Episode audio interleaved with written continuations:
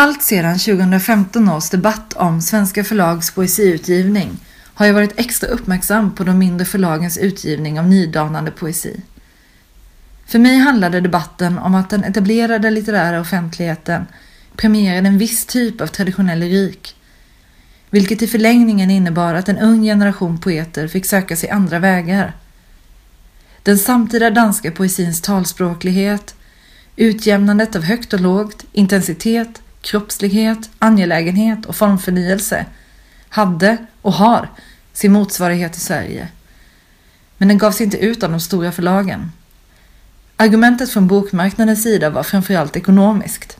Poesi säljer inte och de namn som detta till trots blev utgivna fungerade främst som ett sätt för förlagen att ackumulera kulturellt kapital.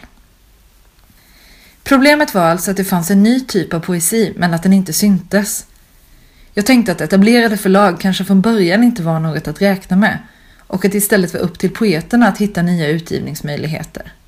Starta ett eget förlag eller ge ut ett fanzine. Do it yourself-poeter. Men det behöver naturligtvis inte vara poeterna själva som tar ansvar för utgivningen av den poesi som varken önskar eller kan passera förbi de stora förlagens grindvakter. Det är därför glädjande när nya små förlag dyker upp på det som knappt kan kallas för lyrikmarknaden, eftersom det innebär en möjlig omformning av poesin utanför marknadskrafternas logik. Det nystartade förlaget Poddpoesi Press är en avknoppning av poddpoesi, som i sin tur är något så extraordinärt som en streamingtjänst för lyrik. Sajten fungerar som en provkarta över den samtida poesin.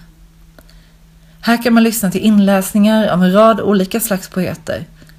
Bland många andra Göran Sonnevi, Ida Börjel, Nashla Libre och Emil Boss. Redaktörerna Hanna Stjernfeldt och Ludvig Köhler har nu utvecklat konceptet genom att ge ut fyra små diktböcker i chapbokformat, aptitligt inslagna i varsin klar färg. Det korta formatet, den enkla kvaliteten och den förmodat snabba produktionsprocessen gjorde mig nyfiken på om Podd Poesi Press kunde tillhandahålla en alternativ publiceringsväg för den poesi som vanligtvis inte ges utrymme i den litterära offentligheten. Alla fyra poeter i serien är visserligen redan mer eller mindre en del av denna. Signe N. Hammar har tidigare gett ut diktsamlingen Bladtätnad. My Roman Fagerlind verkar i gränslandet mellan text och performance Filip Lindberg har gett ut två diktverk, Ämne saknas och Försörj mig. Och Eugen Sundelius von Rosen går på Kungliga Konsthögskolan. Filip Lindbergs diktsamling Tidigt träck 2 laborerar med två nivåer, en ackumulativ och en upprepande. Dikten fungerar som en medlare mellan vardagslivets arbetsdagar och den känsla av alienation som följer på dem. Lindberg beskriver denna rörelse med ett språk som hämtat från den franske poststrukturalisten Jacques Derridas idévärld. Citat. Dikten, det är den som är förskjutningen, som öppnar sammanhang. Så sluter sig om förskjutningen, som upprepat öppnar orden, som söker sin form som sammanhang, som sluter sig om förskjutningen. Slutcitat. Gestaltningen av arbete ger kropp åt de mer abstrakta delarna, Upprepningen består, men den är inte språkligt definierad. Det är istället omsorgsarbetet om den hjälplösa människan som tar form genom dregel och avföring, vilket bidrar till att dikten nuddar vid den poetiska arbetskritik som Johan Jönsson har utvecklat i sin monumentala poesi. Lindbergs utrymme begränsas av chapbookens korta format och följaktligen blir gestaltningen tunnare och mindre drabbande. Vreden hos Jönsson ersätts här med leda. Överlag tror jag att alla fyra titlar hade vunnit på ett längre format. Motiv och teman anas som skuggor i texterna men hinner oftast inte utvecklas eller fördjupas. I synnerhet tror jag att detta gäller för Lindbergs dikt. Hade dikten varit längre hade också tanken om vardagslivets meningsskapande genom upprepning och variation blivit mer konkret. I nuläget känns det som att idén är större än utförandet, vilket ger en obalans i dikten. På tidigt träck två sista sidan finns en förteckning över omarbetade citat av författare som Marguerite Duras, Kristina Ausonidis och tidigare nämnda Signe N. Hammar. Greppet är i sig inte särskilt ovanligt och kan betraktas som ett sätt att bemäktiga sitt tolkningsföreträde över texten. Men hur ska man förstå detta hos Lindberg? En akademiskt sinnad poet från Uppsala med starka influenser från ett poststrukturalistiskt tänkande upplever redovisningsplikt. Vad betyder det för dikten och för samtidspoesin? Tideträck 2 ger inga svar på den frågan. Många poeter stjäl och omarbetar andra litterära texter, men inte alla väljer att redovisa varifrån de kommer. I en och samma gest berättar Lindbergs dikt för mig att den, för det första, inte är sluten i sig själv. Den är en del av ett större poetiskt samtal som dessutom rör sig i olika litterära genrer. För det andra fungerar listan med namn som ett sätt att legitimera dikten genom att ta spjärn mot en redan upprättad föreställningsvärld. Tideträck 2 lånar då så att säga en del av deras litterära komplex av begär, språklig enkelhet och stjärnglans. För det tredje hävdar listan med namn naturligtvis en viss transparens gentemot diktens föregångare. Lindbergs poesi påminner därmed förvånansvärt mycket om den svenska 1980-talspoesin, till både ton och anslag. Även Signe N. Hammars Om vi doftar svenskspråkig lyriktradition med inspiration från finlandssvenska poeter som Tuva Forsström och Gunnar Björling. Dikterna befinner sig på hög abstraktionsnivå och utforskar relationen mellan människa och natur. Följande rader fångar diktsamlingens stillsamma naturlyriska stämning. Citat. Gråljuden och lindblommorna i orangea drivor. Hösten helt nära. Ni som saknar era ansikten för att jag har tagit dem är kvar i mig. Jag vaknar fortfarande, snart innan ljuset. Slutcitat. Hammars dikter är vackra, till bristningsgränsen fyllda av träd, mark, blommor och väderlek. Poesin närmar sig naturen med försiktighet och vördnad. Det är ett nästan sakralt tonläge som ligger långt ifrån Lindbergs gestaltning av vardagens begreppsliga och faktiska mödor. Titeln Om vi belyser diktsamlingens andra tematiska spår, frågan om gemenskap, kondenserad till pronomenet vi. Dikten tycks undersöka var gränserna för detta vi går. Kan naturen och människan exempelvis utgöra en gemenskap? Citat. Kan jag stå utanför landskapet med omutliga ögon? Slutcitat. Undrar Hammar och svarar mot slutet av diktsamlingen med en naturlyrisk skicklighet som briljerar i sin strävan att sammanföra människan som biologiskt väsen med kulturen. Citat. Vi lever i delningens villkor, i hur vi klyvs bort som främlingar.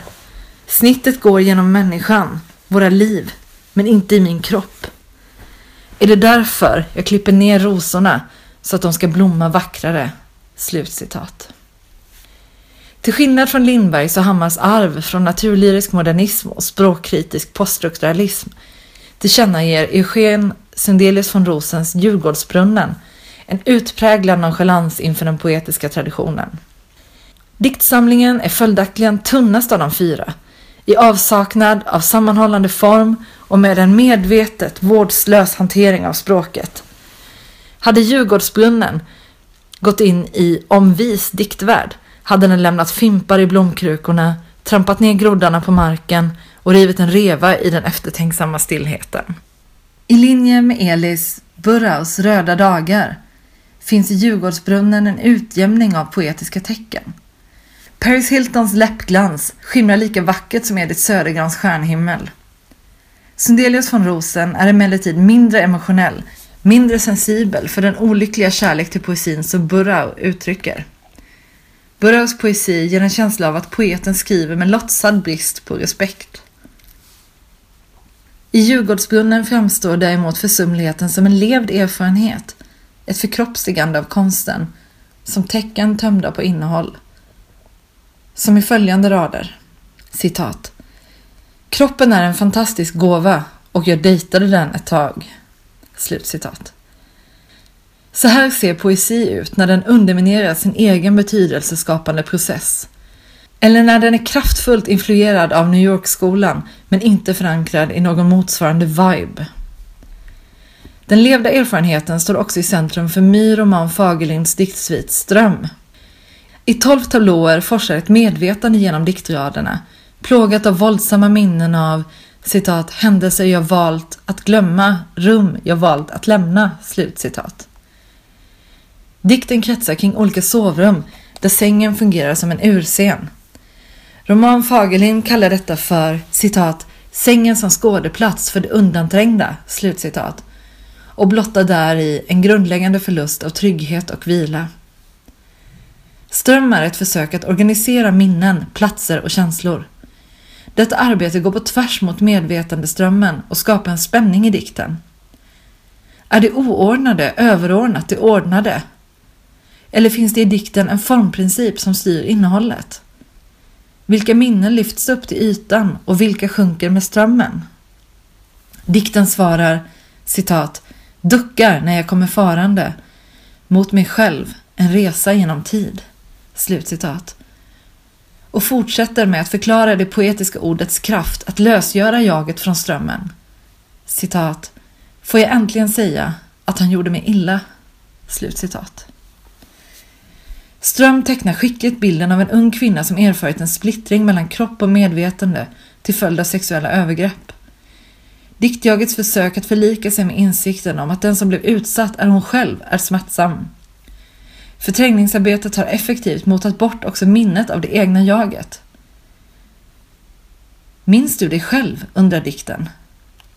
Bron mellan dåtid och nutid går genom kroppen, men frågan om identiteten kvarstår. Minnesflödet förstärks av formen där snedstreck för dikten framåt. Samtidigt kan strecken betraktas som spärrar eller fördämningar i ett försök att minska ödeläggelsen av minnenas framfart. I strömmen forsar skam och skuld fram. Snedstrecket ger ett visst andrum, men slussen är och förblir öppen. Tillfälligtvis framträder mer konkreta minnen. Som den händelse då flickrummets trygghet förvandlades till brottsplats.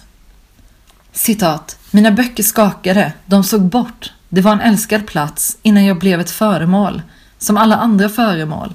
Vikter rasar över kroppen som tunnas ut, händelsens fångenskap och att det fortsätter. Slutcitat. Det finns en vrede och en agenda i roman Fagerlinds dikt som fångar mig. Chapbook-formatets experimentalism, snabbhet och flyktighet fungerar utmärkt som inramning till ström. En stor del av den samtida poesin har kretsat kring att problematisera relationen mellan det poetiska språket och verkligheten. Ett sådant komplex är upplösningen av den offentliga och privata sfärens inverkan på jaget, kroppen och identiteten. Diktjaget har destabiliserats och poetens funktion har ifrågasatts, bland annat genom det tidiga 00-talets konceptdiktning. Andra poeter har utforskat de materiella aspekterna av språkliga och kulturella tecken eller ersatt ett stabilt verkbegrepp med olika typer av poetiska praktiker som försätter läsaren i en ny relation till världen. Lika glad som jag är över Podd Poesi Press ambition att vidga det poetiska fältet, lika förundrad är jag över att de fyra diktsamlingarna tycks stå utanför dessa samtidens poetiska problem. I Lindbergs dikt finns visserligen ett närmande till en form av arbetskritik. Sundelius von Rosen sällar sig till de samtida värderelativisternas skara och roman Fagerlinds dikt undersöker kroppen och språket på ett intressant vis. Men jag saknar ett kritiskt förhållningssätt till de poetiska föregångarna. Den naturlyriska tonen hos Hammar förefaller därför otidsenlig i ljuset av de ekopoetiska verk som kommit under de senaste åren. Jag undrar vad den i sig goda idén att ge ut fyra poeter, snabbt och i kortformat, fyller för syfte om poesin som ryms innanför de tunna pärmarna varken går i dialog med samtidspoesin eller skiljer sig från den som ges ut på de stora förlagen. Varför en så stillsam, ja nästan förnöjd ton? Hur blir poesin en så trygg plats att skriva ifrån? Utgivningsidén hade kunnat öppna upp nya vägar och därmed nya möjligheter för en poesi som kritiserar, eller åtminstone förhåller sig till, de etablerade kretsarna.